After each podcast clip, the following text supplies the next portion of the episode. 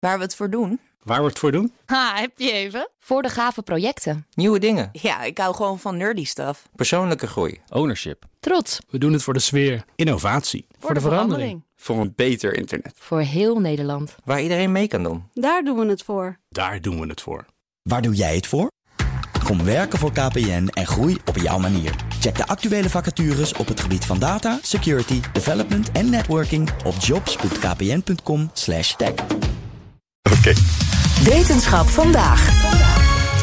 Een nieuwe digitale weegschaal moet zorgen voor een veel betere monitoring van de urineproductie van ernstig zieke patiënten die in het ziekenhuis liggen. Carlijn Meijners is hier onze wetenschapsdirecteur. Carlijn, goedemiddag. Goedemiddag. Ja, waarom was het nodig om hier iets nieuws voor te ontwikkelen? Uh, ik kwam uh, deze innovatie op het spoor omdat morgen de finale is van de Amsterdam Science Innovation Award.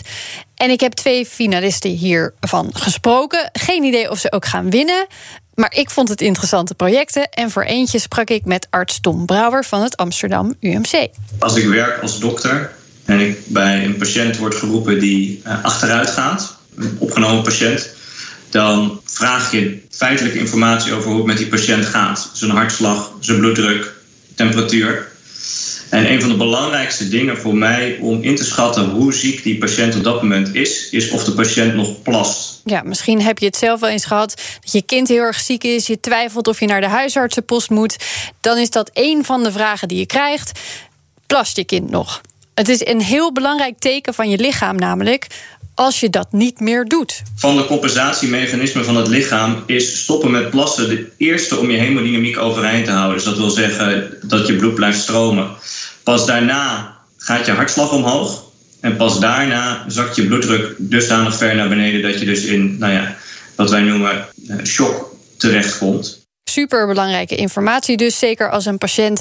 Dit zijn mensen die al een urinekatheter hebben, omdat ze zo ernstig eraan toe zijn, ineens heel hard achteruit gaat. En hoe ziet een arts nu hoeveel dat is? Ja, die urine wordt uh, opgevangen in een opvangzak onder het bed. Daarop kun je zien hoeveel erbij is gekomen. Maar dat moet het zorgpersoneel nu handmatig bijhouden. En dat gebeurt niet continu bij elke patiënt. Nou is dat op sommige afdelingen zoals de intensive care geen probleem. Want er zorgt één verpleegkundige voor één of twee patiënten en is dat goed bij te houden. Intensieve zorg. Maar op de gewone afdeling, met name in de avond en de nacht, zijn er uh, één of twee verpleegkundigen verantwoordelijk voor 20, 30 patiënten soms. En die kunnen niet bij elke patiënt gaan checken hoeveel die plast. Als ik dat expliciet aan ze vraag, natuurlijk wel. Maar het probleem is vaak dat de patiënt gaat ineens achteruit, om wat voor reden dan ook. En dan wil ik die informatie hebben. En dan duurt het een half uur of een uur voordat ik weet of de patiënt plast. Fascinerend dat hier nog helemaal geen uh, apart apparaatje voor was dan. Nee, dat zou je ook echt wel verwachten. Uh, maar toen Brouwer het wilde aanschaffen, want hij dacht hier moet ik iets voor hebben, vond hij niets en dus is hij het zelf gaan bedenken. Wat we hebben gepoogd is een apparaat te maken dat dat probleem eigenlijk oplost door automatisch de urineproductie te wegen en te registreren. Zodat één, die informatie altijd beschikbaar is, juist als de patiënt achteruit gaat.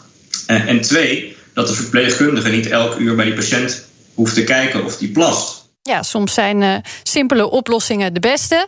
Uh, dit moet dus zowel zorgen voor een betere monitoring als voor minder werkdruk. En als die informatie dan eenmaal wordt verzameld, waar zou je het dan aflezen in het ziekenhuis? Nu nog uh, van een schermpje naast het apparaat zelf.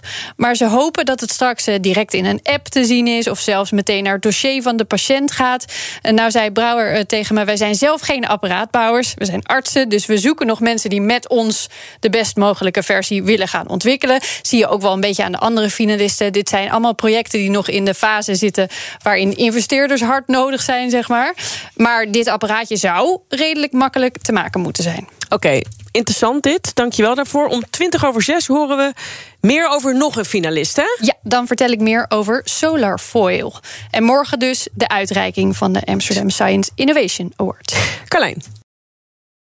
Ook Thomas van Zeil vind je in de BNR-app. Je kunt live naar mij luisteren in Zaken doen. De BNR-app met breaking news, het laatste zakelijke nieuws... en je vindt er alle BNR-podcasts, bijvoorbeeld Het Nieuwe Geld. Download nu de gratis BNR-app en blijf scherp.